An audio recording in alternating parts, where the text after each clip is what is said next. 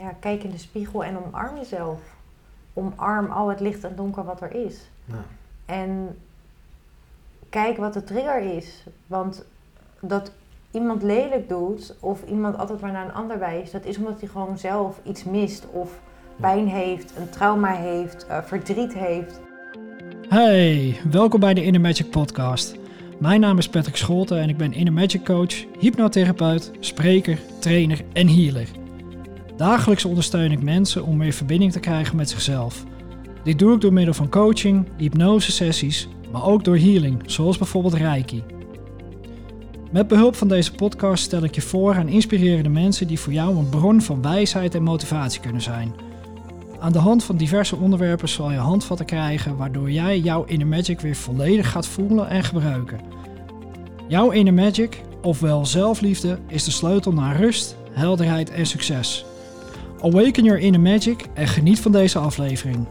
Tijdens deze aflevering heb ik een gesprek met Kelly Tettero. We praten onder andere over persoonlijke ontwikkeling, zelfliefde, hoe belangrijk dat wel niet is, maar ook over het leven van Kelly. Kelly die heeft niet echt een bepaald leven gehad wat over roze geur en maneschijn ging. Ze heeft behoorlijk wat uitdagingen mee mogen maken, onder andere een grote uitdaging, anorexia. Ze vertelt hoe dit is ontstaan, waardoor dit is gekomen en hoe ze daar uiteindelijk mee om is gegaan. Kelly heeft met persoonlijke ontwikkeling heeft ze hele, hele mooie stappen mogen maken in haar leven en vooral in haar persoonlijke ontwikkeling. dus ja, luister naar deze aflevering en luister deze aflevering ook vooral helemaal. Want aan het einde heb ik namelijk iets te vertellen aan je. Dat gaat over deze podcast en over mijn werkzaamheden als coach en hoe ik dit ga voortzetten. Dus luister naar het einde en geniet vooral van deze aflevering. Welkom bij een nieuwe aflevering van de Inner Magic Podcast. En dit is trouwens ook de laatste, zoals ik dit nu doe. Ehm, ik heb een nieuwe gast en dat is Kelly. Kelly, welkom. Dankjewel. Ehm, ja, wij, eh, wij zaten net al een beetje met elkaar te praten van waar kennen we elkaar nou eigenlijk van? Nou ja, via Michael P. Logic hebben we elkaar leren kennen. Maar we weten eigenlijk niet of we elkaar nou daar hebben gezien. Weet jij dat dan nog zeker? Of? Nee, of dat we later met elkaar in contact zijn gekomen. Ja, Ik weet het ook niet meer helemaal zeker. nee. We waren allebei in Veenendaal, dat weten we nog wel. Ja, Dus inderdaad. Nou, Ik denk dat we, als ik zo terugdenk, elkaar in de Facebookgroep die toen aangemaakt is, dat we elkaar daardoor ja. zijn gaan, dus ja, met elkaar in gesprek zijn geraakt. Dat Ja. denk ik. ja, inderdaad. Maar we waren toen, eh, ja, je was ook aan het helpen met Michael, toch? Was Nee, ik was als gast. team of was je als gast? Ja. Juist. Ja, ik was toen eh, daar werkzaam, of nou ja, werkzaam, ik hielp bij Michael. Ehm, maar ja, ik was toen met persoonlijke ontwikkeling bezig en Kelly was daar ook al mee bezig. Ehm, ja, wil je eigenlijk eerst wat vertellen over jezelf, van wie je bent? Ik ben Kelly, ik ben 27 jaar, ehm, wonend in eh, het ook zo mooie Brabant tegenwoordig. Ehm, ja, herstellende van eh, verschillende factoren. Of hoe je, ja, hoe zeg je dat? Anorexia, PTSS. En nog eigenlijk wel heel veel meer, laat ik het zo zeggen, trauma's aan het helen. En ehm, ja, daarmee heel erg bezig met zelfontwikkeling, Ja. ehm, met mezelf helen eigenlijk. Kijken waar dingen vandaan komen, waar de triggers zitten en ehm, op Ja. die manier aan de gang. Nou, we, ken- we, we kennen elkaar dus eigenlijk al best wel een tijdje, volgens mij eh, vanaf 2018 dan ongeveer. En ja, we hebben wel regelmatig hebben we gesprekken gehad. En ja, wat, wat mij heel erg heeft geïntegreerd, of eh, heeft geïnteresseerd ook in jou, van wat er allemaal met je gebeurt, is hoe je er gewoon iedere keer nog steeds zo positief in staat.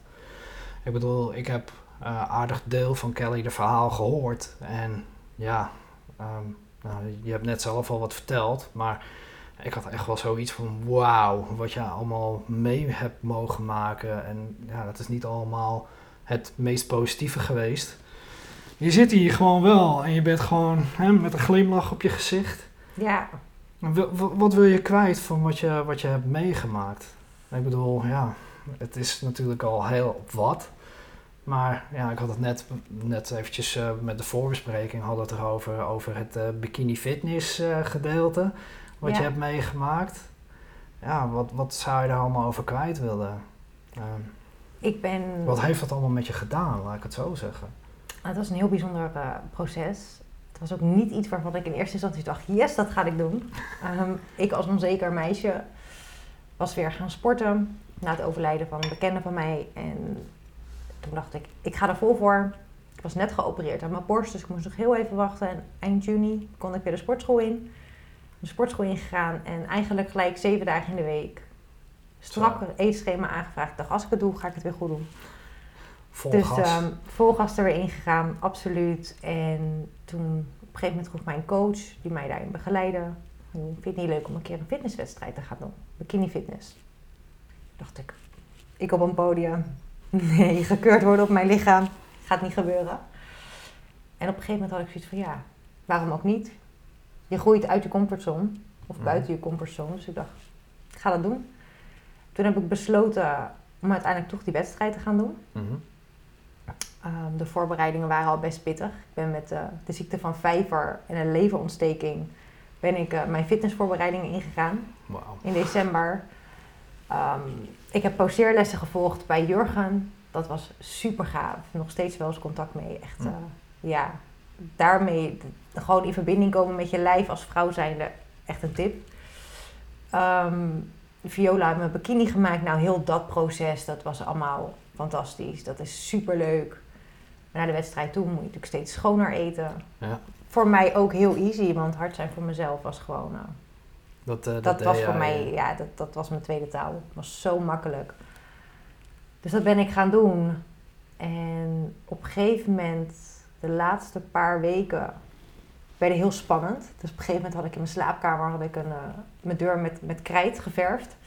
En daar had ik een heel schema opgezet van eh, nog zoveel dagen. Ben ik gaan afstrepen. Elke dag, als er weer een op zat, dacht ik, oh, weer een stapje dichterbij. Oh, ik durf dat podium niet op. Oké, ik ga het doen. Eh, elke dag in de sportschool te vinden.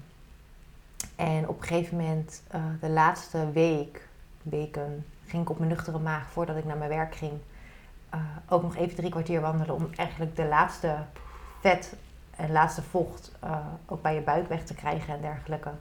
Ja, het was, het was zo'n gaaf proces. En op een gegeven moment stond ik daar en ik voelde me net een travestiet. Ik Ja. had een nepstaart in. Ik was natuurlijk heel erg opgemaakt. Want als je op het podium staat, het is allemaal heel over de top. Ja. Spreten. En ik stond daar. Maar ik had wel zoiets van, ja, ik heb dit wel gedaan. Ik heb dit wel bereikt. En ik heb een kant van mezelf gezien die ik misschien diep van binnen wel wist dat die er zat. Met discipline en doorzettingsvermogen. Maar om dit ook echt op deze manier met, met die mensen te mogen doen, dat was echt wel heel tof. En dan heb je de wedstrijd gehad. En dan begint het normale leven weer. Mhm. Je gaat weer anders eten in principe, is de bedoeling. Ehm, je moet je lichaam weer gaan voeden. Ja. Ja, en daar is toch wel eh, zoveel angst bij komen te kijken bij mij, dat ik echt zoiets had van, ik wil niet aankomen. En zeker niet 10 kilo in een week of wat dan ook. Ook al is het voornamelijk vocht, want je lichaam is natuurlijk een spons. Mhm. En dat durfde ik niet en dat wilde ik niet. En eh, ik vond mijn controle in het eten. En toen dacht ik, ja, maar als ik mezelf dat ontzeg, dan hoef ik dat ook niet te doen. En dan ga ik Ja. gewoon sporten en bezig zijn. Dan heb ik ook geen honger. Denk ik helemaal niet aan eten. Ik heb dat allemaal niet nodig. Ja, en op die manier ehm, is eigenlijk mijn anorexia uiteindelijk eh, echt ontstaan. Is echt ontstaan op dat moment. Echt tot uiting gekomen, ja. ja. Ja, je noemde het net al van ehm, dat je eigenlijk best wel hard voor jezelf bent geweest. Ja, ik geloof dat dat niet eh, vanaf dat moment pas was. Dat is denk ik dan je hele leven al zo geweest. Of een groot deel van je leven. Ja, En ja, heeft dat hard zijn, heeft dat dan nog een extra steentje bijgedragen aan het krijgen van je anorexia? Of, of is dat juist... Ja, Nou, het helpt je overal wel doorheen. Dat was het meer. Ehm, kijk, mijn anorexia is, is niet alleen ontstaan natuurlijk door de fitnesswedstrijd. Dat is helemaal niet de kern geweest. Ehm, Nee. Het was uiteindelijk de sluimer waar je mijn anorexia gewoon heel makkelijk echt tot uiting kon komen. Maar het komt van veel verder daarvoor ehm, in je jeugd. ja. Vanaf jongs af aan eigenlijk niet gehoord, niet, ja, je werd niet gehoord, eh, je mocht er niet zijn voor je gevoel. Uh, er werd liefde gegeven, maar dat kon ik niet ontvangen op diezelfde frequentie. Dus Ja. ik had het gevoel dat ik ja, liefde tekort kwam. Ehm, ik schreeuwde om aandacht, maar het leek alsof je een andere taal sprak, omdat je niet gehoord werd. Er werd niet naar je gekeken. Ik werd gepest op de basisschool. Ehm, mijn vader was altijd aan het werk. Eh, mijn moeder had altijd pijn. Dus ja, dan ben je daar als kind. Je ouders gaan scheiden op. eh, ik was zeven toen mijn ouders uit elkaar gingen. Nou ja, er kwam al heel snel een nieuwe vrouw in het leven van mijn vader. Fantastische vrouw. Dat is echt eh, nog steeds mijn bonusmoeder. eh, Nou, gelukkig. echt heel veel liefde bij haar ontvangen, wat ik die zeven jaar daarvoor nog nooit had ontvangen. Hmm. Dus dat was echt een cadeautje toen die tijd. Maar een nieuwe man in het leven van mijn moeder, ehm, dat was een wat minder fijne ervaring op dat moment. Ehm, veel strijd tussen mijn vader en mijn moeder. Ehm, dingen over elkaar zeggen, dat soort dingen. Ja, als kind zijn, dan sta je daar toch tussenin. Je hebt daar Ja. last van. Ja, absoluut. Dus aan alle kanten kreeg je de bevestiging dat je er niet toe deed. Of je, er werd met je gespeeld, of je werd niet gehoord, of je mocht niet zijn. En ja, op, op zo'n manier ga je gewoon heel hard voor jezelf zijn. Ja. Want je krijgt zoveel overtuigingen, ehm, die ga je aannemen eigenlijk, die niet van jou zijn. Maar je denkt van, oh, ik mag helemaal niet zijn. Oh, ik, ik, het leven heeft me niet lief. Ik ben hier niet om lief te hebben. Of ik mag er niet zijn. Ik doe Ja. er niet toe. Ja, dan ga je hard zijn. Ja, ja, absoluut. Dat is echt een, eh, ja, een copingmechanisme dan wat je dan opbouwt voor, voor jou om te overleven inderdaad. Ja. ja. Ja, voor mij ook heel erg herkenbaar. Ja, absoluut. Mijn ouders die zijn dan op mijn tiende gescheiden. En ja, ik werd, werd ook niet gezien zoals ik gezien wou worden. De liefde die kreeg ik ook niet zoals ik dat wou. En ja, eigenlijk heb ik daar zo'n systeem voor mezelf mee opgebouwd. Dat ik eigenlijk tot, tot nu ja, nog steeds eh, daar bepaalde voordelen uit kreeg. Ja, kreeg vooral. Maar ja, ik merk toch wel, ik weet niet of jij dat ook ondertussen merkt, maar naarmate je ouder wordt, dat mechanisme wat je toen zo goed geholpen heeft om, om ja, staande te blijven, daar begin ik juist nu steeds meer nadelen van te krijgen. Dat ik echt zoiets heb van, oké, ja, de manier hoe ik daar vroeger mee omging, was het helemaal prima, maar nu maakt het eigenlijk meer kapot dan me lief is. Ja. Ik weet niet, heb jij dat ook zo ervaren of ervaar jij dat zo ook? Ehm, ik ervaar vooral dat als ik teruggrijp naar patronen van vroeger, dat ik wegloop Ja. voor wat er eigenlijk gaande is, in plaats van te helen en gehoor te geven aan wat gevoeld wil worden. Ja. En daar ben ik nu heel erg bewust mee bezig met, oké, ik voel een trigger, ik heb eh, de neiging om niet te eten, of ik heb paniek over het eten, of ik wil mezelf pijn doen, ik wil pijn voelen, of ik mag niet ontspannen, ik moet bewegen, ik moet dit. Dan heb ik heel erg zoiets bij mezelf, oké, Kel, dit gebeurt er. En natuurlijk mag je er soms aan toegeven, vi- vind ik wel. Het Mhm. hoeft niet in één keer helemaal weg te zijn. Nee. Maar de bewustwording daarin bracht me wel al elke keer dat ik dacht van oké, ik vind het echt niet fijn, het voelt echt niet goed, maar ik mag ook best een keer een uurtje op de bank zitten. Of ik mag ook ehm, mezelf tracteren op iets en dan hoef ik het niet de volgende dag weer terug te brengen. Ik ben dat waard. En Ja. door alles elke keer zo terug te gaan kijken, had ik wel zoiets van ja, die mechanismes, die, die zijn me niet dienstbaar. Die, Nee. die zijn het ego dienstbaar, die in veiligheid leeft en die zoiets heeft van ja, maar dit ben ik gewend. Ehm, dit is zo geprogrammeerd, dus ik wil dit blijven doen, want dit is voor mij veilig. Ja. Maar uiteindelijk is dat niet wat, wat hoort of mag zijn. Dus door elke keer in gesprek te gaan met mijn ego, dat klinkt misschien heel raar, maar ik ga echt in gesprek met mijn ego. Ik, ik schrijf ook wel vaak met mezelf. En dan heb ik echt zoiets van ja, ik ga je geruststellen, want mijn hoofd zegt dan nee, dat ga je echt niet doen. Of al dat moet je doen. Of, maar mijn, mijn ziel die wil iets heel anders. Die wil wel die liefde en die rust en die ontspanning. En, Ja. Ja, ja, ik moet zeggen dat ehm, eh, ik heel veel van die technieken ook geleerd heb. En dat ik ook echt wel zoiets heb van, oh ja, het is niet zo handig hoe ik, eh, hoe ik nu met mezelf omga. Of dat ik dan ehm, te veel aandacht en energie steek eigenlijk in mijn, in mijn ego. Dat ik dan eh, ja, kies voor mijn ego. Dus om die, in die veiligheid te gaan zitten. Dat ik dan zoiets zeg van, oh nee, laat maar, ik Ja. moet wel weg. Het is veilig. Ja, het is veilig. Maar ja, wat ik al zeg, van, ehm, ja, wij hebben een klein beetje leeftijdsverschil eh, tussen ons zitten. Ik ben 40. Ehm, ja, ik merk toch wel dat ik nu in een soort van stroomversnelling ben gekomen. Van ehm, heel vaak toch die patronen weer aangrijpen. En eh, toch daar naartoe gaan. En dat ik nu echt wel afgeleerd word eigenlijk om dat nog zo te doen. Ehm, ik wist dat al wel op jongere leeftijd. Van dit is niet gezond. Dit is niet, of, nou ja, gezond tussen aanhalingstekens. Ehm, maar het is niet handig dat je, dat je dat soort gedrag blijft vertonen. Maar ja, soms ben je wel eens een beetje hardleers. Althans, als ik over mezelf spreek. Ja. Ja, dan kan het wat langer duren. Ehm, maar heeft dit ehm, het, teruggrijpen naar, eh, naar patronen, ehm, of daar juist nu zo bewust mee, mee omgaan dat je dat nu niet meer zo snel doet. Maar in de tijd van dat je dus eh, met eh, bikini fitness bezig was en dan daarna, dus dat je toen eigenlijk moeite kreeg en dat je daardoor nog meer je, je anorexia zeg maar werd aangewakkerd. Zat je toen ook heel erg in strijd met jezelf, met de patronen? En eh, hoe, hoe zat dat? Wat, wat zorgde er eigenlijk voor dat je dan echt in die, in die moeite kwam om weer te gaan eten en Ehm, eigenlijk de wil om te leven. de wil om te leven? Ja. Ehm, Dat is wel, eh, wel heftig. Je had me net wel al wat, wat dingetjes verteld van wat, eh, wat er in je leven speelde. ja. Ehm, ja, dat zijn wel, wel beho- behoorlijke situaties natuurlijk geweest. En ja, ja de wil om, om te leven. Ja, dat heeft er echt voor gezorgd dat ik, dat ik op een gegeven moment weer ben gaan eten en, en beter voor mezelf ben gaan zorgen. En ehm, zeker nu ik hier zit en, eh, en uit de giftige situatie, zoals ik het dan maar even zo benoem, eh, ben gestapt ehm, om voor mezelf te kiezen, om mijn toekomst op te bouwen. Ehm, ik, ja. Het was gewoon. Het, het, het leven heeft zoveel moois. En Zeker. ehm, ik heb heel veel meegemaakt, heel veel mee mogen maken, laat ik het zo zeggen. Ik heb heel veel gezien, heel veel ervaren.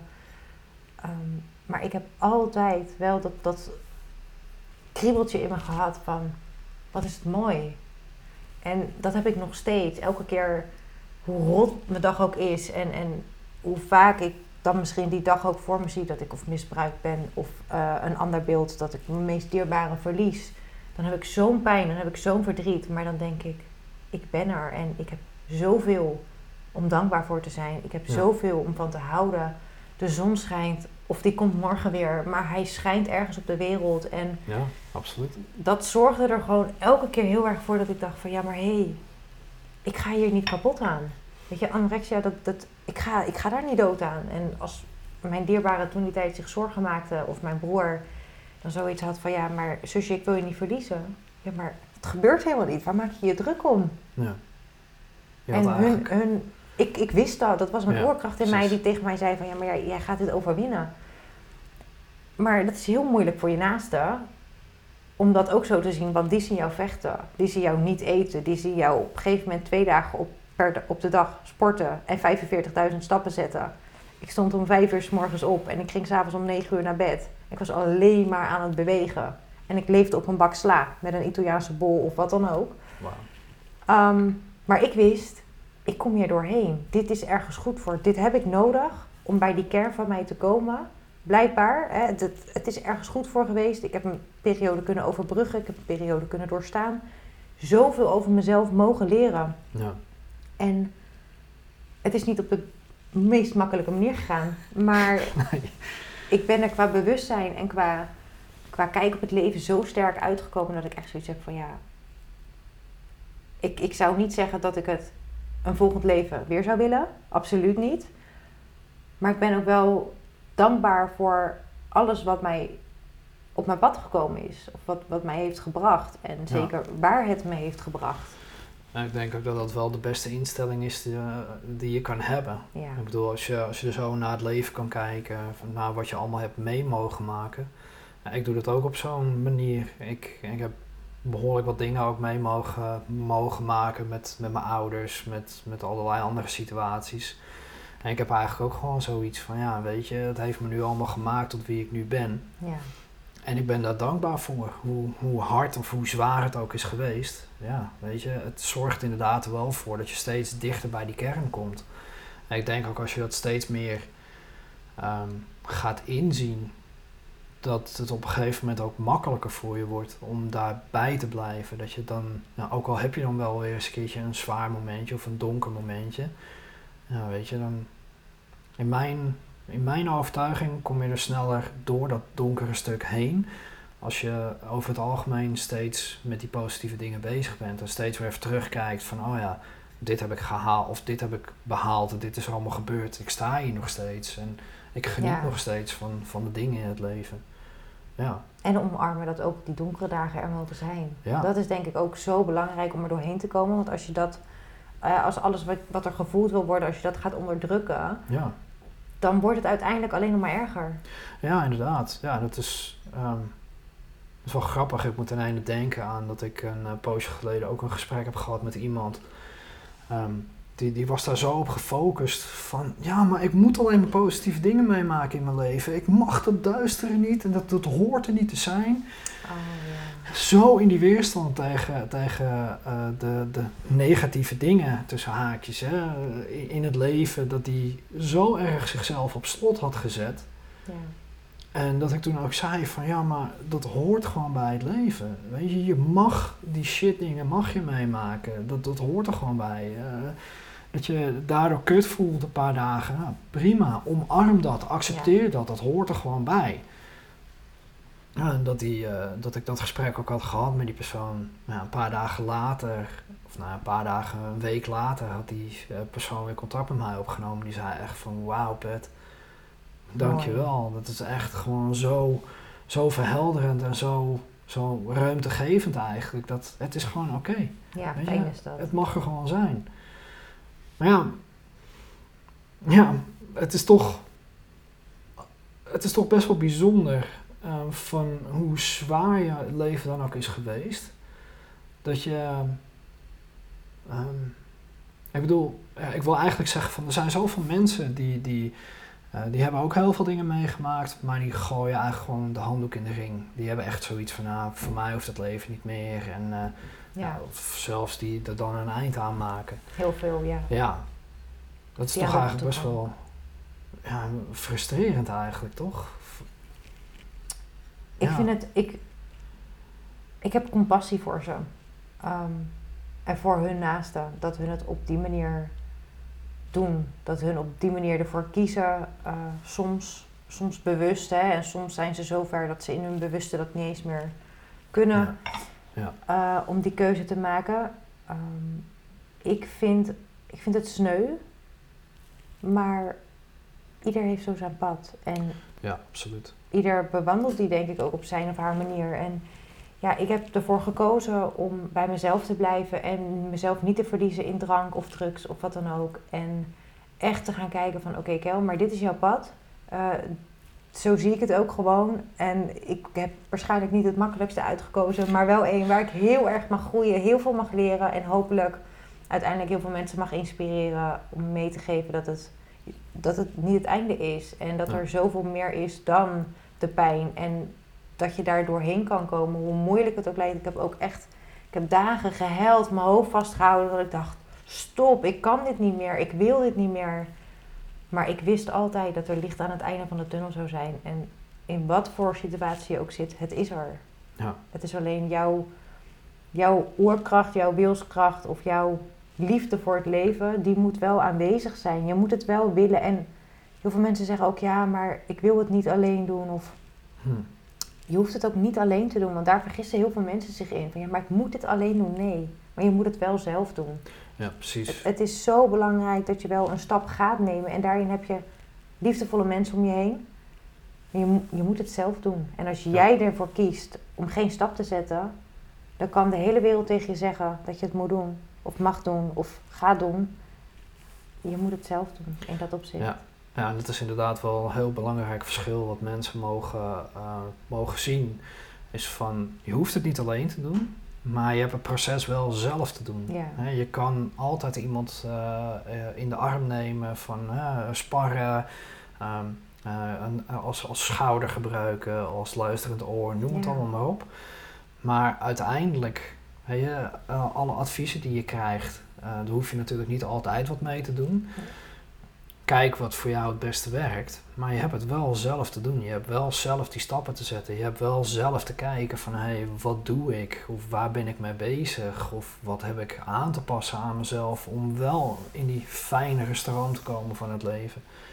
En ik denk dat, dat er genoeg mensen zijn die, die zoiets hebben van ja, maar als ik eh, mijn, mijn spul allemaal maar spuw naar iemand anders toe, dan komt het wel goed. Dan, eh, dan, dan regelt die persoon die regelt dat wel voor me. Ja, zo werkt het leven niet. Nee, ja, en wat ik ook heel vaak hoor is, is ehm, ik ben vrij open over mijn verhaal. Ik hoor ook heel vaak mensen die, die dan zeggen, maar je stelt je wel heel kwetsbaar op. Hm, En die dragen ja. zelf ook een heel bijzonder verhaal met zich mee. Iedereen heeft een, een eigen uniek verhaal. Ja, absoluut. Ehm, en, en er is ook geen dat van jou is erger dan dat van die. Nee, want voor iedereen is het verhaal even erg of even fijn. Of hè, in welk context je het ook wil zien. Maar dat ze zich niet kwetsbaar durven opstellen. En dan denk ik bij mezelf, dat is het, het kwetsbaar opstellen, het je verhaal durven delen, het eh, je dur- jezelf durven laten zien zoals je bent, eh, met al je wonden, littekens, noem het maar op. Ja. Dat maakt dat je groeit, dat maakt dat je heelt. Want je erkent het, je omarmt het en het mag er zijn. En Ja. dat is denk ik voor heel veel mensen ook een stap van wil je echt die heling, wil je echt met jezelf aan de slag, ga erover spreken. Ehm, verstop jezelf niet en verstop je verhaal niet, want het mag er zijn. Ja, ja absoluut. Ja, dat herken ik ook heel erg. Ook, eh, ook ik ben heel erg open in, eh, in mijn verhaal. En ik heb ook vaak genoeg gehoord van mensen van... Ah, Pet, eh, haal dat nou van je website af. Of waarom heb je dit nou weer gedeeld op social media? Of... Ja, nou, ik moet zeggen dat het de afgelopen tijd ben ik wel wat meer eventjes in mezelf gegaan. Maar dat is meer ook omdat ik ehm, ja, het proces zag. En dat ik ook echt de behoefte voelde van oké, dit heb ik eventjes in mezelf te doen. Maar voor de rest, ja, ik ben wat dat betreft ook gewoon een open boek. Ik, eh, ik vertel iedereen erover. Maar Ja. heel veel mensen die hebben er inderdaad, eh, is het een oordeel? Ja, die, die, die denken natuurlijk ook van ja, maar als ik dit zou doen, zometeen dan word ik gekwetst. Of ja, die, die hebben dan hun ja, beste bedoelingen ermee. Maar voor mij werkt het inderdaad het beste ook om gewoon open en eerlijk te zijn. Weet je, ja. Als iemand mij dan wil kwetsen met de dingen die ik heb meegemaakt, dan heb ik bij voorbaat wel zoiets van: waarom doet die persoon dat? Heeft hij dan slechte bedoelingen me- daarmee? Of wat, wat wil hij of zij daarmee bereiken? En, Maar kan je, het, kan je het dan makkelijker teruggeven? Want dat is wat. Ik heb wel heel vaak dat ik dit soort situaties ervaar. Ehm, en in het begin, zeker omdat het ook in mijn familie heel erg gebeurde, dat ik Mhm. best wel heel erg klein gemaakt werd en dat er best wel heel erg op mijn hartje getrapt werd. Ehm, ik naar beneden gehaald werd, slecht gepraat werd, noem het maar op. En dat ik echt zoiets had van, dit verdien ik niet. En, en waarom? Weet je, ik, ik doe zo mijn best ja, waarom wil je dit? En op een gegeven moment toen dacht ik, ja, maar dit is niet een manier, want dan blijft die energie blijft. Dat wil ik niet. Weet je, dit is, dit is niet van mij. En als je zo, mij zo wil zien, of zo over mij wil praten, of een oordeel vormt, of een verlangen hebt, prima. Ik ben, daarna ben ik gewoon heel erg naar een situatie gaan kijken van, oké, iemand zegt dit tegen mij. Oké, triggert het iets in mij? Oh, misschien raakt het nog iets. En dan ga ik kijken van, oké, wat raakt het in en waar komt het vandaan? Kan Ja. ik er iets mee nu? Mag ik er iets mee? Ik ga het in ieder geval voelen. Ja. Ehm, en vaak appt het daarna weer weg. Dan heeft het wat het wilde. Het wilde gevoeld worden.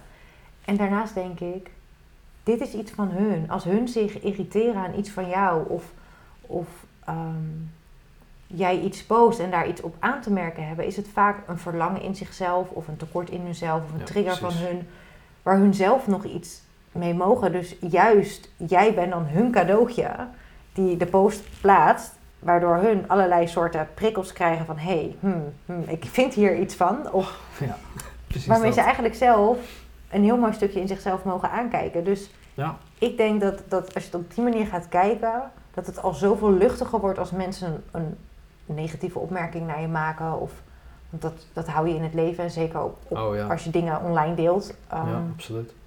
het, het zegt meer over hun proces.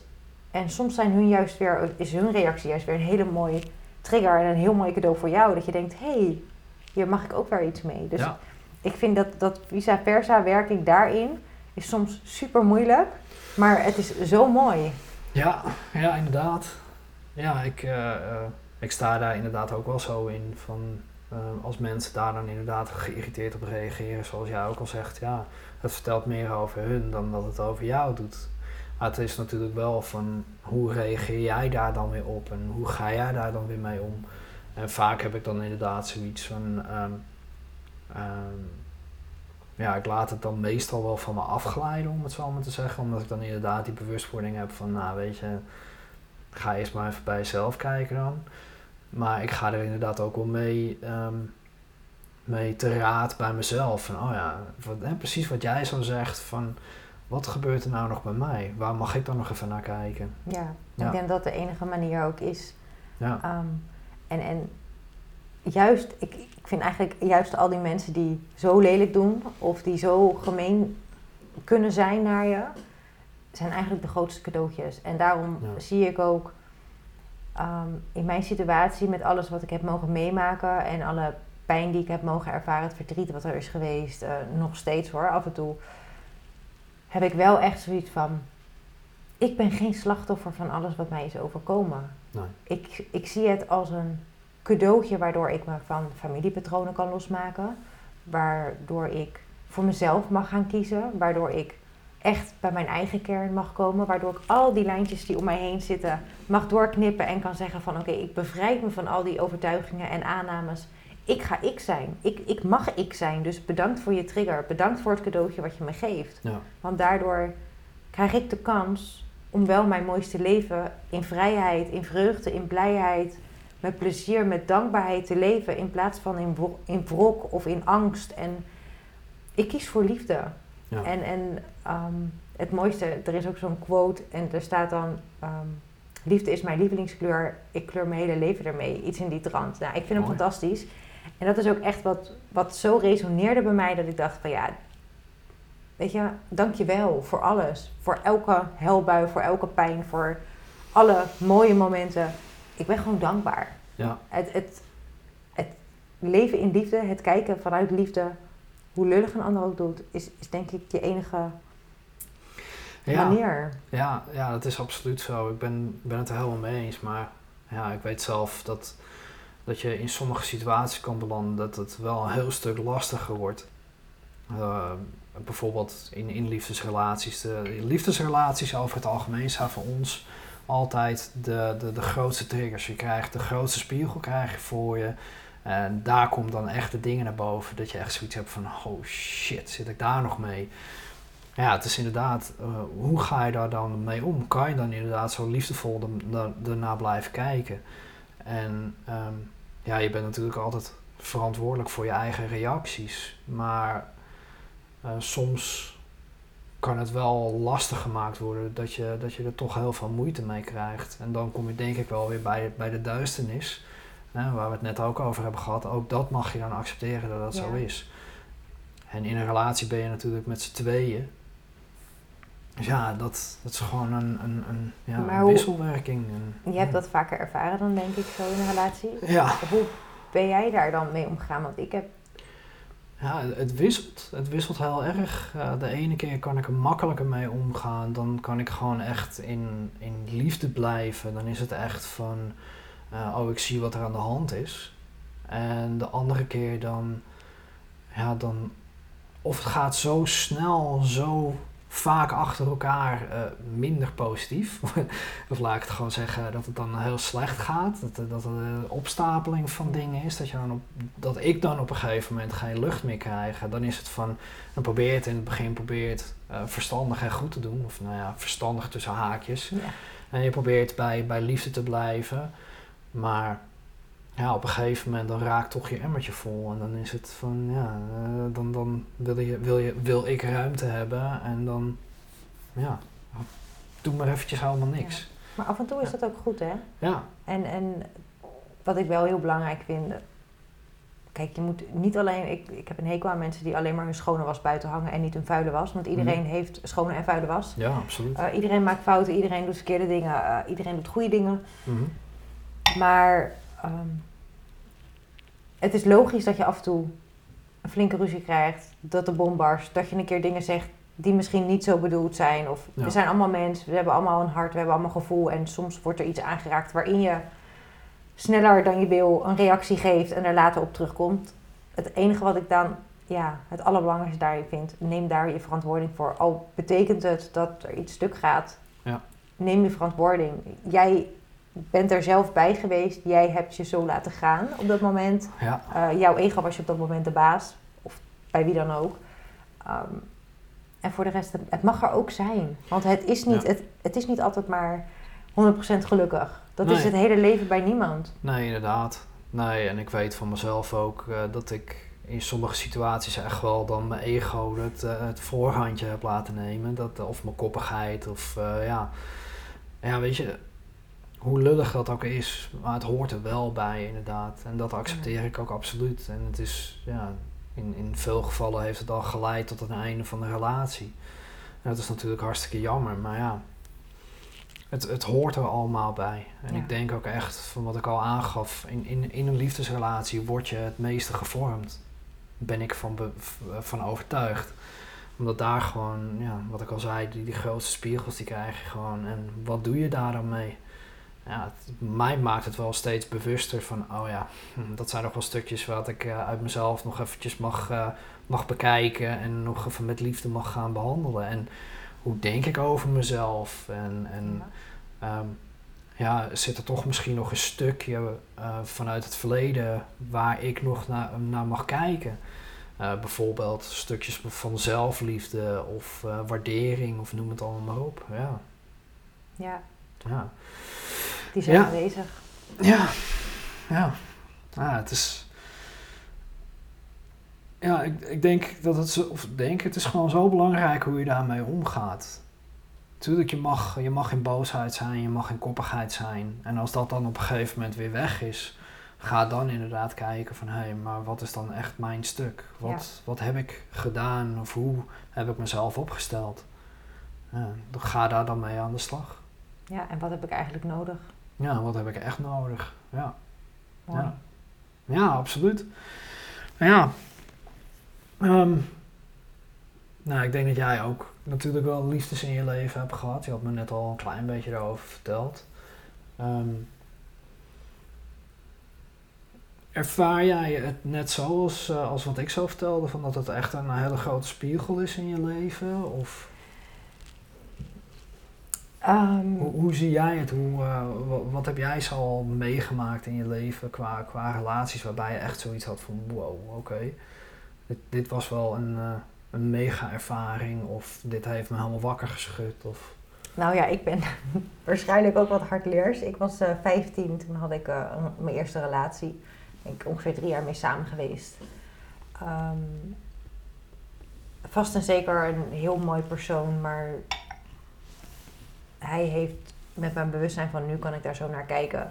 Zoveel ehm, zelf onverwerkte emoties, waardoor hij heel agressief was. Dus als hij een Mhm. biertje op had, dan was ik een kankerwijf, een kankoer, een slet. Ehm, er is veel agressie aan te pas gekomen. Ehm, seksueel ook, als ik een keer pijn had, het niet kon of wat dan ook. Het moest, dus ik moest gewoon, ongeacht of ik wilde of niet.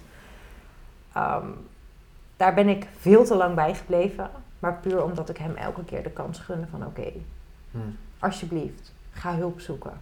Ik geloof in je. Je kan dit. Ik ben niet zo heel snel van het opgeven.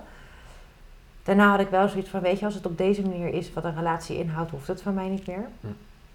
Toen vond ik eh, liefde, wat eigenlijk een, een meest dierbare vriend van mij was, daar, daar werd liefde in ontwikkeld.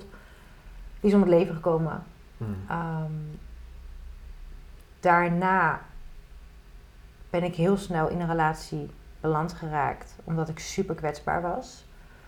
Ehm, die heeft op mij ingespeeld met zijn dochtertje. oh, En ik heb echt een hart voor kinderen. Dus ik was eigenlijk helemaal niet verliefd op hem. Maar ik was gewoon verliefd op zijn dochtertje. En uiteindelijk had ze en een moeder die geen moeder voor haar kon zijn, een vader die geen vader voor haar kon zijn. En ze had mijn hart gestolen. Hm. Dus mijn liefde in mij dacht ik, ik ga jou al mijn liefde geven. Heb ik een half jaar in verwikkeld gezeten. Ehm, dat was een psychopaat, pathologische leugenaar. Ehm, hij had naast mij, kwam ik achter, nog een relatie. En in die tijd dat wij samen een relatie met hem hadden, heeft hij nog zo'n 50, 56 andere meisjes in zijn bed gehad.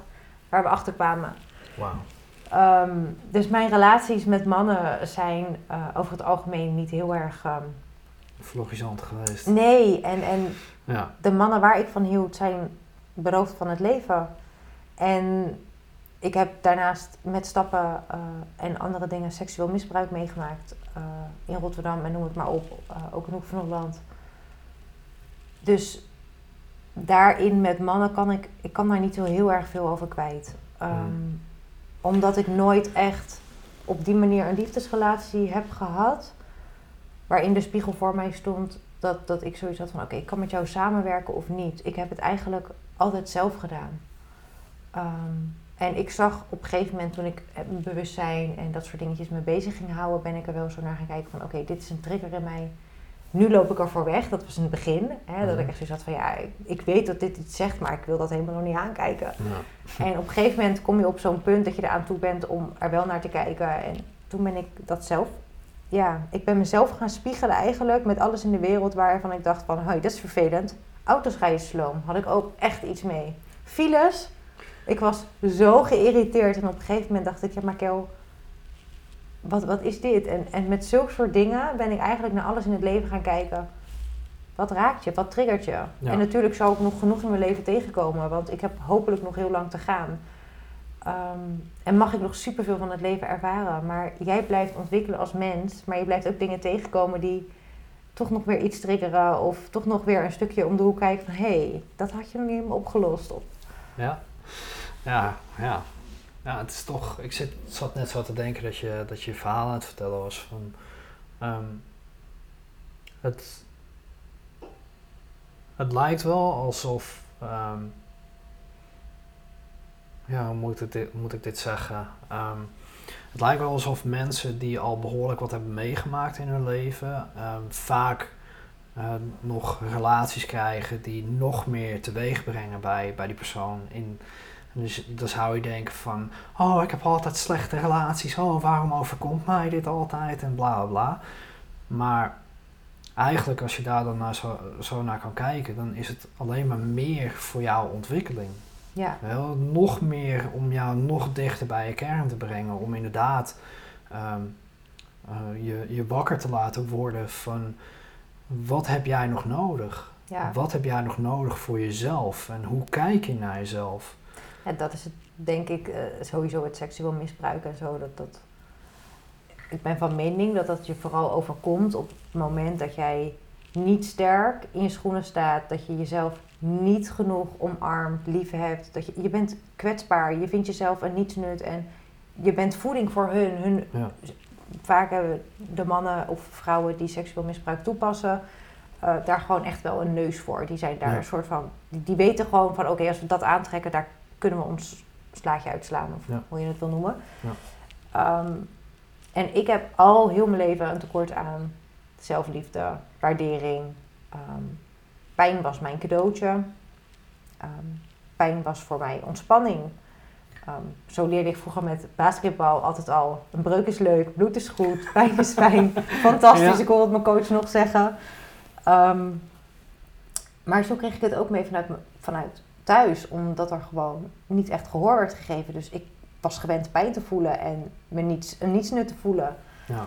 Dus ik ben mezelf zo gaan onderwaarderen en ik heb mezelf zo ver verwijderd van liefde voor mezelf. En, en ja, op een gegeven moment kwam het erop neer dat ik eh, ben gaan tatoeëren.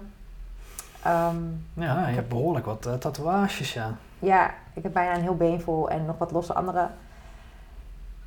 En ja, dat is eigenlijk allemaal ontstaan om pijn te hebben, om pijn te ervaren, om, om... Ja, dat was mijn cadeautje. Dus op een gegeven moment was mijn uitje één keer in de maand vier uur tatoeëren. En het was cadeau aan mezelf. Dat had ik verdiend na een week, of na een maand eigenlijk alleen maar keihard sporten, niet eten. Dit was mijn cadeau. En, en ehm, ja, nu besef ik me heel goed. ehm, en zeker nu ik eigenlijk uit de situatie ben. ehm, sinds 27 september. Waarin ik eigenlijk heel mijn leven heb gezeten. dat goed voor mezelf zorgen is echt nog super lastig. Mhm. Maar ik heb wel keuzes gemaakt voor mezelf. Om eh, te kiezen voor mezelf. En dat is ook een weg. Ja. Maar ik ben weer zoltjes gaan laten aanmeten voor mijn voeten. Heel vroeger heb ik die gehad. Maar dat is zijn kleine stapjes. Ik ben met Ja. een orthomoleculaire eh, moleculaire therapeut bezig nu. Uh, bloedonderzoeken, ontlastingonderzoeken, histamineonderzoeken. Om gewoon eens te kijken van oké, maar wat heeft mijn lichaam nu eigenlijk nodig? Uh, wat is erin beschadigd? Waar gaat het goed op? Om gewoon... Voeding is voor mij nog steeds wel af en toe een dingetje. Zeker Mhm. een goed eetpatroon, die heb ik absoluut nog niet. Ik eet wel redelijk gewoon um, mijn calorieën, daar kom ik wel aan. Maar ik heb na mijn burgering eigenlijk alles nog vooral in mijn avond uh, zitten. Dus ik heb vaker s'avonds eetmomenten achter elkaar en op de dag eet ik vrijwel niet. Um, maar daar wil ik vanaf. Ja. En ik wil mezelf goed voeden en niet meer elke dag hetzelfde eten vanuit een gewoonte, vanuit angst, vanuit een patroon. Maar echt weten van oké, okay, dit heeft jouw lichaam nodig. En dan met de nodige begeleiding daar naartoe gaan werken. En ja, dat zijn cadeautjes die ik mezelf nu aan doen ben. In plaats van tatoeëren of um, continu alleen maar stappen moeten zetten om te bewegen. En ja. Ja, het jezelf uh, afleiden, zeg maar. Om, om echt met de kernzaken om te gaan eigenlijk. Ja. ja. Ja, en het stukje zelfliefde, dat, dat ervaar ik zelf ook wel. Ik ben, uh, um, voor mij is eten ook een dingetje. En niet in de zin van dat ik uh, uh, niet ga eten, maar ik ben meer dan, ja, zoals ze dat dan noemen, een emotieeter. Als ik dan niet lekker in mijn vel zit, dan ben ik heel snel geneigd om ongezonde dingen te gaan eten. En ik ben daar voor mezelf, ben ik daar nu ook stappen in aan het nemen. Dat ik echt zoiets heb van, oké, weet je, ik voel dit. Um, probeer ik te kijken van wat is dan het minst schadelijke wat ik dan kan eten. Uh, in de zin van uh, vroeger had ik dan een zak chips leeg of zo. En dan probeer ik nu, of ik pak wel wat chips, maar dan probeer ik daarin te matigen. Dat ik dan niet die hele zak neem, maar dat ik dan een klein beetje neem. Of dat ik dan daartegenover echt een, iets gezonds probeer te eten. Maar ja, ook dat merk ik wel dat daar wel af en toe een uitdaging in zit. Want ja, op een of andere manier is het altijd, voor mij is het altijd makkelijker geweest om snel naar die slechtere dingen te grijpen. Want dan krijg je, je krijgt toch... producten. Ja, precies. Chocola, noem het allemaal op. Dan krijg je toch een soort van prikkeling, uh, eventjes. Althans, bij mij is dat dan eventjes dat ik dan zoiets heb van, oh ja, lekker stukje chocola. Dan heb je de hele reep opgegeten en dan is het van, oh shit, wat heb ik nou weer gedaan? En dan ga je zo weer lopen straffen en dan kom je weer in zo'n cirkel. Nou ja. Maar ja, en in plaats het, van, van, sorry dat ik je onderbreek. Geef niet. In plaats van um, te kijken naar iets gezonds eten of, of hè, iets anders op zo'n moment. Is Mhm. het dan voor jou ook haalbaar om te zeggen van oké, okay, ik ga even naar buiten. Ik ga heel even de natuur in, want op dit moment ja. voel ik dit. Want juist wel iets gaan eten is toegeven aan het, het hoofd of het mechanisme. Ja. Um, maar daarmee kom je niet uit het cirkeltje. Nee, of je nou wat gezonds eet of niet. Een, een, in een eetstoornis waar ik dan in heb gezeten of herstellende van ben. En zeker in de kliniek ook. Er waren meisjes die gewoon een eetbui hadden van 10 komkommers. Dan is het gezond, maar dan nog is het niet... Je hebt een verstoorde relatie met het eten, omdat het eten op een emotie komt. Of, ja. um, dat, dat moet niet de reden zijn waarom je iets, iets gaat eten of drinken. Maar dat moet zijn dat je lichaam erom vraagt, omdat je in verbinding bent. Dat je denkt, hé, hey, mijn lichaam heeft iets nodig. Ik ga even Ja. kijken van, nou, hè, wat voel ik? Waar heb ik zin in? Waar, wat geeft mijn lichaam aan? Oh, nou, vandaag is het wel een keer een patatje en morgen is het een lekkere Ja. uh, salade of een lekkere rijst, uh, schotel of wat dan ook. Ja, het is mooi dat je dat inderdaad zo zegt. Daar ben ik me, uh, de laatste maanden ben ik me daar ook steeds wel bewuster van aan het worden. En dat ik dan inderdaad ook kies, of na eerst dan luister van, oké, okay, waar heb ik dan echt behoefte aan? En vaak is het dan gewoon eventjes naar buiten toe gaan, even een wandeling, eventjes door het bos heen, eventjes tot mezelf komen of een meditatie of ja, in ieder geval wat aandacht aan mezelf besteden.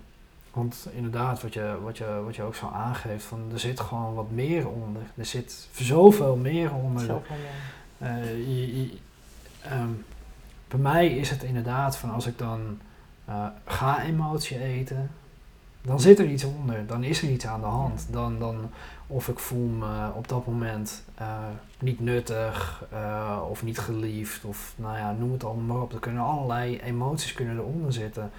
Maar ja, het is wel het is wel lastig voor mij geweest om daar zelf dan mee om te durven gaan. Van ga dan kijken wat er, wat erachter zit. Wat, wat zit er dan echt in? En ga daar dan mee aan de gang. Ga daar dan even mee zitten of doe iets. Maar grijp dan niet meteen naar, naar het eten, wat voor eten het dan ook inderdaad is. Maar ik denk ook dat het best wel komt vanuit een stuk waarin we geprogrammeerd zijn van oké, maar je hebt, je hebt iets nodig van buitenaf. Ja. Um, want wij zijn liefde, we zijn één. Ehm, we hebben alles wat we nodig hebben zit in ons. Dus we zijn veilig in en met onszelf. We hebben daar niemand voor nodig. Uh, we zijn geliefd. Uh, we hebben onszelf lief. Daar hebben we niemand anders voor nodig. We horen onszelf te accepteren. We hebben die acceptatie van een ander helemaal niet nodig. Maar dat wordt ons allemaal zo aangeleerd vanaf jongs af aan. En ja, precies. Hè, al die patronen waar je in vastzit, of wat je als voorbeelden in familie hebt gezien en gekend dan denk je van ja, ja, maar ik voel me nu niet geliefd, want ik krijg geen liefde of ik krijg geen aandacht. Maar juist dat is zo mooi om dan te zeggen, oké, maar dit ga ik mezelf geven. Want ik moet het mezelf geven of ik mag het mezelf geven. Ik heb dat niet nodig van iemand van buitenaf. En ehm, op het moment dat je daar steeds meer gaat zitten, oké, ik voel een emotie of ik voel me alleen of ik, heb, uh, ik voel me verdrietig, ik voel me niet geliefd. Dat je dan gaat kijken van ja, maar hé, hey, ik ga mezelf nu liefde geven. ik ga even een massage pakken of ik ga lekker even de natuur in. Of oh uh, ja, ik ga mezelf, nou, ik word hier heel erg gelukkig van. Ik ga dat eens doen. Ja, ja precies. Maar echt gewoon die selfcare, dat je denkt, hé, hey, oh, ik heb behoefte aan ontspanning. Ik ga een goed boek lezen. Ja. Ja, ga inderdaad kijken, wat, wat vind je leuk, wat vind je fijn om te doen. En voor heel veel mensen is dat ook nog wel lastig. Die, die hebben inderdaad steeds maar geleefd volgens het patroon van de familie of uh, de verwachtingen van de maatschappij. Of, en die zijn zo ja, ik word eigenlijk bijna brain, gebrainwashed. Weet je wel? Eh, die, die, die, die weten niet wat zij zelf leuk vinden. En voor die mensen, ja, is het het einde. nee, natuurlijk niet. Klaar. Even, even een geintje tussendoor. Maar ja, voor, voor, er zijn echt heel veel mensen die hebben daar heel veel moeite mee. Die, die hebben altijd maar geleerd van ik moet, als ik mij slecht voel, dan komt dat door een externe factor. Uh, dan is hij of zij is daar schuldig aan. Nou ja, ga dan naar binnen toe. En ja, hoe ga je dat dan doen voor, voor dat soort mensen?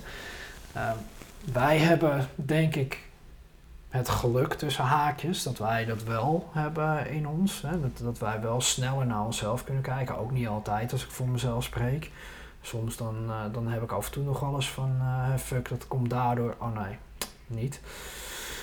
Maar heb jij, heb jij een tip voor mensen die, die zo in, de in het externe leven, hoe ze dan meer naar binnen toe kunnen gaan? Oftewel van mensen die dan echt de hele tijd de schuld geven aan, aan de externe factoren. En dat ze dan het kunnen gaan accepteren van ja, maar het ligt toch bij mezelf. Ja, kijk in de spiegel en omarm jezelf. Omarm al het licht en donker wat er is. Ja. En kijk wat de trigger is. Want dat iemand lelijk doet of iemand altijd maar naar een ander wijst, dat is omdat hij gewoon zelf iets mist of pijn heeft, een trauma heeft, uh, verdriet heeft. En dat projecteert hij op de buitenwereld. Want van binnen is er is dat innerlijke kind is gekwetst of verdrietig of er zit iets. En um, op het moment dat jij echt voor jezelf hebt van ja, oké, ik, ik ben hier bewust van dat ik dit doe. Ik wil dit eigenlijk niet meer, want dat is wel het allerbelangrijkste. Op het moment dat ze zich er niet bewust van zijn als ze dat doen, gaan ze er ook, kunnen ze geen verandering brengen daarin. Ja. Bewust worden, het erkennen, het herkennen, dat zijn de belangrijkste dingen om stappen te kunnen maken. Dus op het moment dat, dat mensen wel zoiets hebben van hé, hey, oké, ik snap nu dat ik op een verkeerde manier reageer. Of tenminste, er, er, is geen goed en fout, maar op een manier reageer wat ik eigenlijk niet zou willen. Maar hoe ga ik het dan in godsnaam oplossen? Omarm het. En ga er niet te veel met je hoofd in zitten. Want dat, dat hoort ook heel veel mensen. Ja, dan ga ik spitten en dit dan. En alles enorm observeren. En um, te verder in doorslaan. Dat ik het dan ook zeg van... Het mag gewoon zijn. En ga kijken wat je voelt. Voel je even niks, is het ook helemaal goed. Ja. Um, maak een wandeling in de natuur. Dat is al zo helend. Loop weg. Weet, weet je, als op het moment dat je een opmerking wilt maken of naar een ander wilt wijzen. En je hebt het door van, oké, ik, ik zit hier weer met mijn hoofd. Relativeer, want alles gaat om relativeren. Ik heb ook af en toe nog heel beperkende gedachten. Mhm. Maar dan relativeer ik ook bij mezelf. Van, hé hey Kel, dat is het hoofd. Het is niet de werkelijkheid. Relativeer maar. Dit is hoe het is. En dan zie je weer allemaal beren op de weg. Nee, nee, nee. die zijn er niet. Die verzinnen we. Vanuit angst, van, vanuit het onbekende eigenlijk. Ja. En ik denk dat dat gewoon het allerbelangrijkste is. Om echt gewoon het en te willen, te zien, te erkennen. En het te omarmen. Want het Ja. mag er zijn. Ja, absoluut. Ja, ik zit over, eh, over mijn eigen proces terug te denken. Ehm, ja, ik zeg net dan, eh, dan zo mooi van, eh, ja, wij zijn nu gezegend dat, dat wij wel sneller in ieder geval dat bewustzijn hebben. Maar bij mij is het ook niet altijd zo geweest. Ik bedoel, ik heb echt wel periodes in mijn leven gehad van dat ik ook iedereen om me heen maar de schuld gaf. Van wat mij overkwam, dat kwam door hem of door haar of door mijn vader of door mijn moeder of noem het allemaal maar op. Maar er is op een gegeven moment echt wel een moment gekomen in mijn leven dat ik zoiets had van, maar dit gebeurt iedere keer. Weet je, eh, dan kan ik iedere keer wel iemand de schuld gaan geven, maar waar ligt het nou echt? Waar ligt nou echt het probleem? Hoe komt dat? Ja, toen wou ik nog steeds niet helemaal naar mezelf kijken, maar dat is langzaamaan is dat opgebouwd. Langzaamaan ben ik steeds meer naar mezelf gaan kijken. En voor jou, de, de kijker, de luisteraar, weet je, realiseer het je, als jij dit nu al luistert, als jij dit nou al bekijkt, dan ben je al bezig. Dan ben je al bezig met stappen te zetten. En zo is het bij mij ook begonnen. Ik ben toen begonnen met, uh, nou ja, eigenlijk werd het ook door externe, door, door vrienden werd het tegen mij gezegd van, nou Pet, uh, ga eens een keertje wat verdiepen in persoonlijke ontwikkeling. Ga eens die kijken, ga eens dat kijken. Ja, daardoor ben ik op een gegeven moment toen wel steeds meer in mezelf gaan verdiepen. En ja, geloof me, het is echt niet zonder slag of stoot gegaan. Wat ik zeg, ik heb nu af en toe nog steeds wel momenten dat ik dan zoiets heb van... Ah, nee, ik zet me er helemaal tegen, tegen af en uh, nee, doe ik niet. Nou ja, daarna is het wel weer van, oh ja, top. Dankjewel voor de lessen. Hmm, juist. Ja. Ik denk ook dat er een vergissing is dat heel veel mensen denken... oké, okay, je bent met persoonlijke groei bezig... En op een gegeven moment ben je geheeld en dan is het klaar. ja. dat, dat hoor ik ook wel eens om me heen. En dan denk ik, ja, maar nee. Nou. Jij, jij blijft je als persoon ontwikkelen en groeien. En um, er blijven ook steeds meer dingen loskomen. Ja. En je verandert als mens. Je komt steeds andere dingen tegen. Ja, absoluut. Um, het bewustzijn creëren is ook niet iets wat van gisteren op vandaag gebeurd is. Dat, dat nee. is een proces. Jezelf in de spiegel aankijken. En dat is echt zo, is het allermoeilijkste, is, is de moeilijkste weg die je kan bewandelen. Realistisch ja. naar jezelf kunnen kijken, oprecht zijn uh, over je eigen, de verantwoording nemen voor jezelf. Ja. En heel veel mensen die kiezen nog steeds vanuit angst um, voor de makkelijke weg. En die kijken zichzelf niet aan en die hebben nergens last van. En dat gaat allemaal goed. En, en gelukkig staan er ook steeds meer mensen daarvoor van... hé hey, ja, oké, okay, het is geen makkelijk traject, maar ik vind dat ik het verdien. Dus ik ga het traject in, ik ga eraan starten en het zal met een slag en stoot gaan. Ik zal heel vaak vallen, maar ik zal wel elke keer weer opstaan ja. om daar te komen. Om dat te helen, om, om mezelf aan te kijken en om een ander niet onterecht pijn te doen. Want ook dat gebeurt er als je vanuit je ego leeft. Je wil Ja. helemaal vanuit je hart die, die persoon niet kwetsen. Maar als jij niet weet waar het vandaan komt, dan kwets je soms mensen best wel heel erg. Ja, ja, absoluut. En ja, het, het, het, hele proces, dat blijft gewoon de rest van je leven. Blijft dat zo.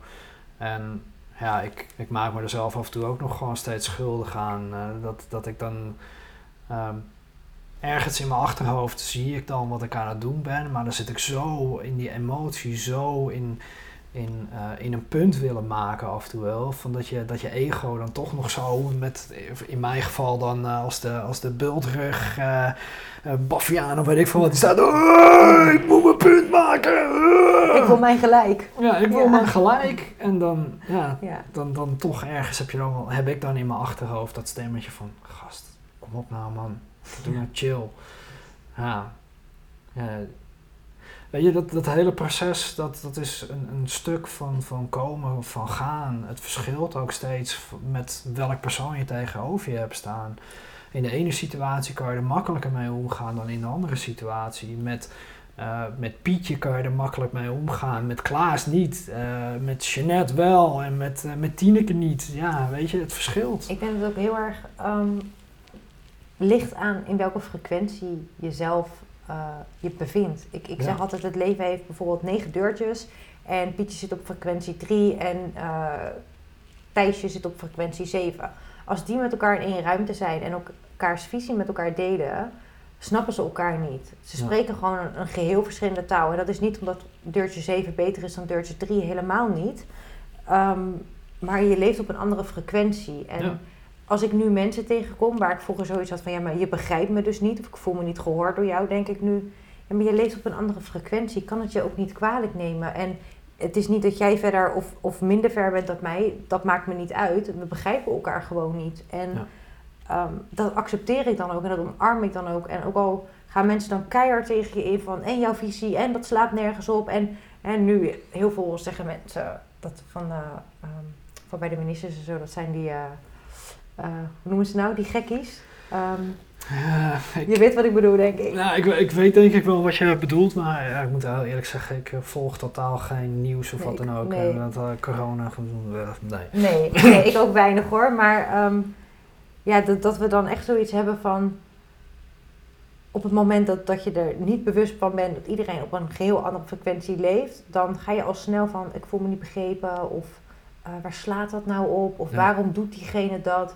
En op het moment dat je dat bewustzijn creëert van oké, maar iedereen leeft op een geheel andere frequentie, um, dan ga je ook zoveel makkelijker met situaties om. En, en kan je zoveel meer hebben van een ander. Want ja.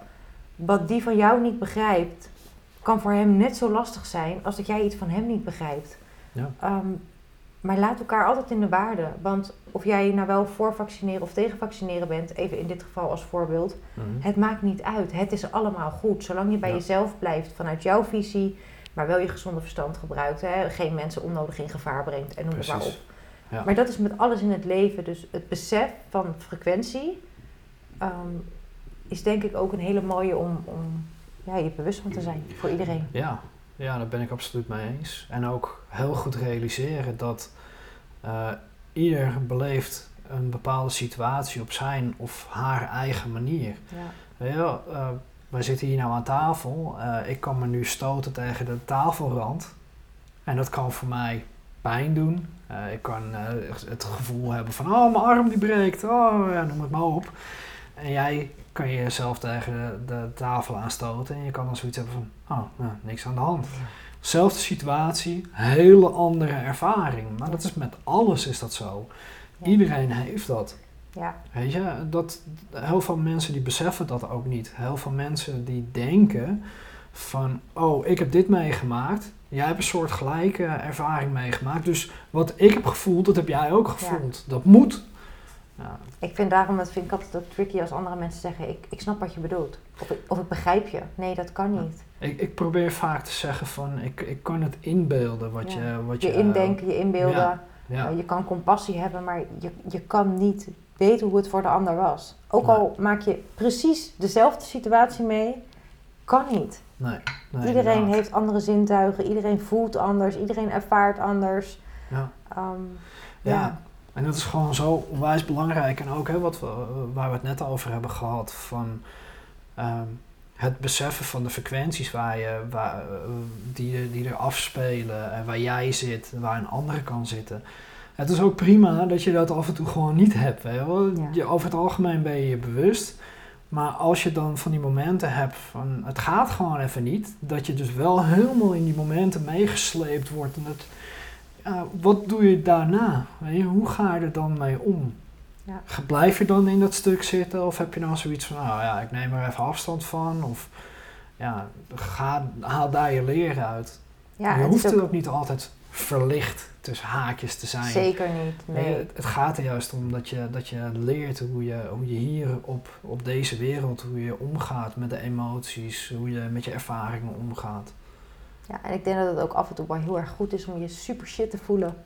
Ja, Omdat ook juist uit die momenten je zoveel besef en zoveel leerpuntjes haalt. Ja. Ehm, het is alleen wel, heb jij de wilskracht om er weer uit te krabbelen. Dus al zit je een week in de sleur, gaat alles op slot, eet je zakken chips leeg of ehm, verzorg je jezelf niet of wat dan ook. Prima. Als je dan maar na die week weer naar buiten gaat en zegt, oké, ik ga er weer tegenaan. Ik had het Ja. heel even nodig, ik ga er weer tegenaan. Ik voel het Ja. weer, ik kan dit weer. En dat is wel heel belangrijk om, om jezelf dan toch even die drempel over te schoppen. En niet te lang erin te blijven. Dat is, dat is denk ik wel het, het gevaar. Hè? Want het mag er zijn, maar het mag niet aanhoudend blijven. Ja, inderdaad. En ja, ik denk ook echt van als jij, ehm, als je aan jezelf merkt, van, nou eigenlijk, ik probeer eigenlijk dan te zeggen van, ik, ik wil zeggen van als je dat aan jezelf merkt, hè, pak het dan op, ga er iets mee doen. Maar er kunnen ook situaties zijn dat je gewoon zo diep erin zit dat je het eigenlijk niet meer door hebt. Dat je eigenlijk zo in zo'n ja, laat ik het maar de sleur noemen, eh, dat je daar zo erg diep in zit. Dat het gewoon heel lastig is voor jou om daaruit te komen. Maar ja, dan denk ik nu aan, aan mijn kijkers, aan, aan de luisteraars. Ik denk als jij dit hoort, dan, dan zit jij niet op dat niveau. Maar heb jij iemand om je heen waarvan jij denkt van... hé, hey, die zit zo, zo vast in zichzelf, in haarzelf. Ehm ben er voor die persoon forceer die persoon niet uit, uit dat moment, maar geef een luisterend oor. Uh, die persoon die kan heel veel weerstand geven, maar accepteer dat ook. Accepteer ook dat hij of zij in een proces zit waar hij of zij doorheen moet. En je kan die persoon er niet uittrekken. Dat helpt niet. Ben er wel voor die persoon, maar accepteer ook waar die persoon doorheen gaat. Jij kan het helemaal zien, die persoon die hoeft dat nog niet te zien. Maar het is wel nodig voor die persoon. Ja, stuur liefde. Stuur liefde. Maak Ja. een kaartje, uh, kleine gebaren. En, en vanuit hier gewoon voor jezelf zeggen. Of, of je inbeelden van oké, okay, ik stuur liefde naar die persoon. Uh, het komt goed, ik hou van je. Stuurt warmte. Meer kan je niet doen. Nee. Er zijn. En, en vanuit energieland, maar ook gewoon op een fysieke manier. Dat je een kaartje, een handgeschreven, eventjes laten zien van ik, ik denk aan je. Ja. Want dat is vaak wat de mensen dan ook nodig hebben. Hè? Dat er eventjes aan hun gedacht wordt. Dat ze niet helemaal niemand meer horen. Want dat is vaak waardoor het nog slechter gaat. Ja. Uh, maar hou het luchtig. Ja. Geen zware dingen. Kijk een lachfilm desnoods als ze je wel uitnodigen. Of hou het luchtig. Ja, inderdaad. En, en nogmaals, forceer jezelf niet op die persoon. Als die persoon echt aangeeft van nee, uh, ja, dan is het ook nee. Ja, Weet accepteren. Dan, ja, ja, dat is voor, voor jou dan ook een proces om, om daar ook mee om te leren gaan. Ja, ja jeetje. Um, oh, wauw. Ik zie dat we nu al uh, weer ruim een uur bezig zijn al met, uh, we zijn met de lekker podcast. aan het kletsen. Ja, we zijn lekker aan het kletsen. Inderdaad. Ik vond het eigenlijk nog wel een mooi stuk om... Dat ging net al door, zo door me heen. Van, hè, dat wij het zo over die inzichten hebben. En over uh, de ervaring die we hebben meegemaakt in, in ons leven. Um, ja, dat jij...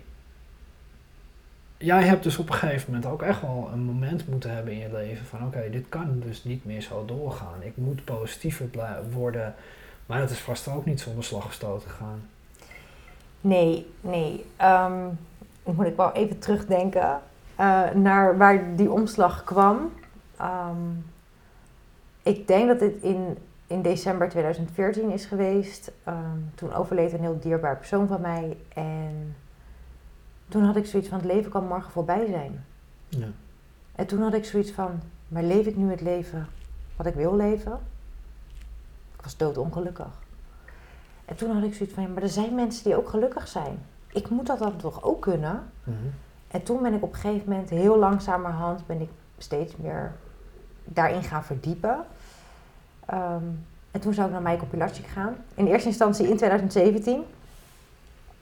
Um, toen kreeg ik een auto-ongeluk. Mm. Dus toen kon ik niet. En toen werd het 2018. Um, had ook gewoon zo moeten zijn. Ja. En eigenlijk is het vanaf dat moment... Um, ja, bij mij ook echt in een snelvaart gegaan. Ik heb bij Michael zoveel mogen leren. Ik was in 2017 wel bij zijn persoonlijk meesterschap geweest. Toen gaf hij die nog voor het laatst, volgens mij. Volgens mij was ik bij een van zijn laatste keren persoonlijk meesterschap.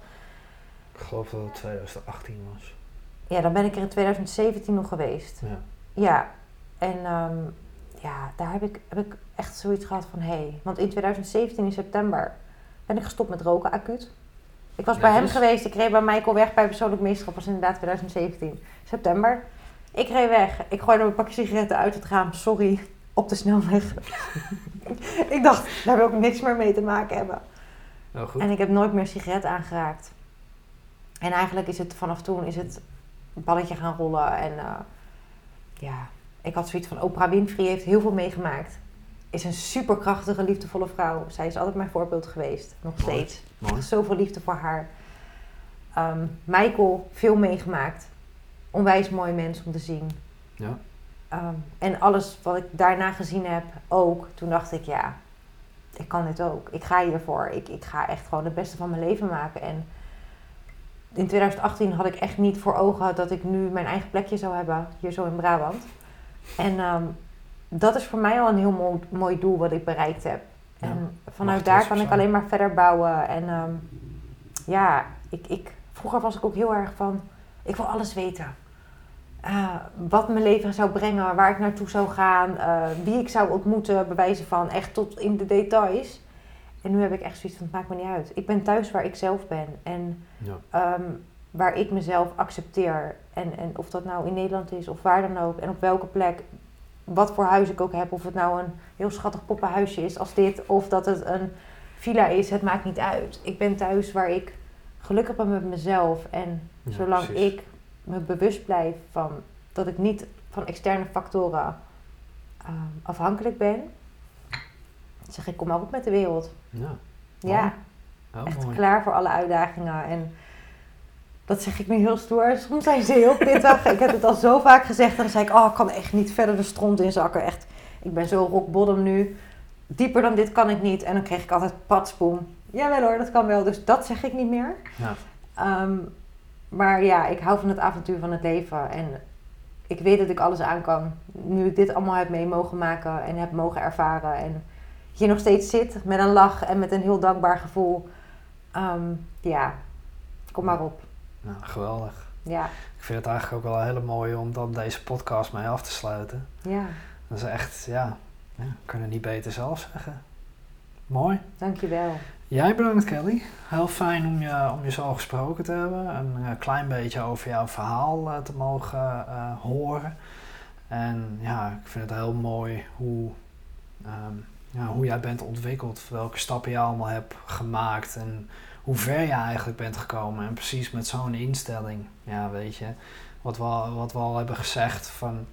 eh, het leven is niet altijd roze geur en maneschijn. Maar je moet er wel zelf een feestje voor maken. En ik denk dat het bij jou al heel erg goed gelukt is. Ja, zeker. Heel erg Dankbaarheid. bedankt. eh, Ja, dankbaarheid dat is absoluut een, een heel belangrijk stuk ook in je leven. Wees dankbaar voor, voor, de, voor de kleinste dingen in je leven.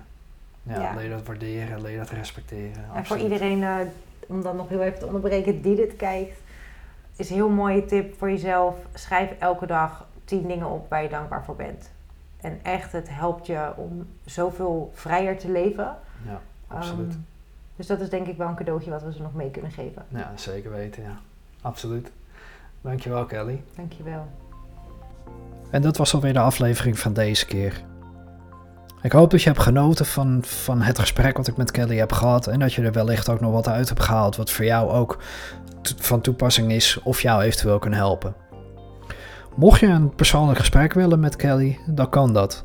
Je kan haar bereiken via haar social media op Facebook of Instagram.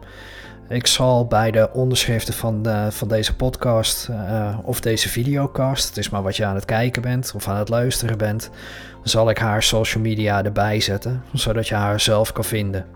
Of zoek haar gewoon op op, eh, op Kelly Tetterho, dan ga je haar ook vinden.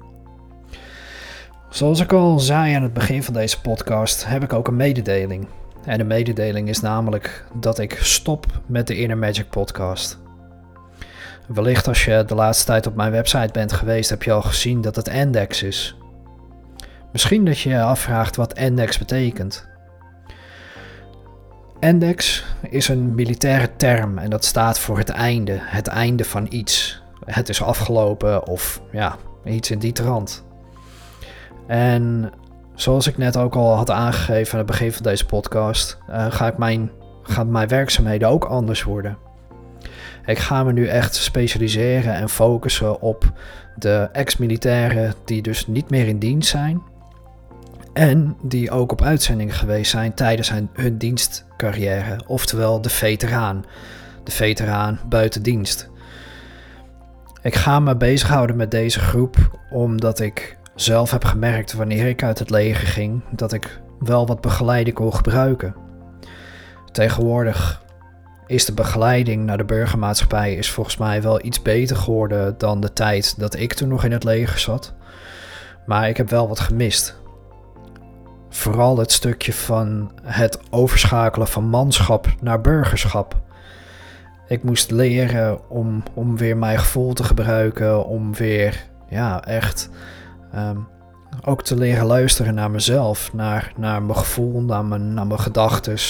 Waar had ik nou allemaal behoefte aan? En daarbij moest ik mijn kameraden van, van de landmacht moest ik ook heel erg missen. Ik stond er eigenlijk helemaal alleen voor. En om dat proces beter te begeleiden, of in ieder geval makkelijker en sneller te laten verlopen, heb ik besloten om mijn coaching, of mijn, ja, nou eigenlijk is het wel mijn coaching, daar vooral mee bezig te gaan houden. Zodat ik mijn ex-collega's, of ja, collega's in het veteraanschap zijn, meer daarmee kan ondersteunen.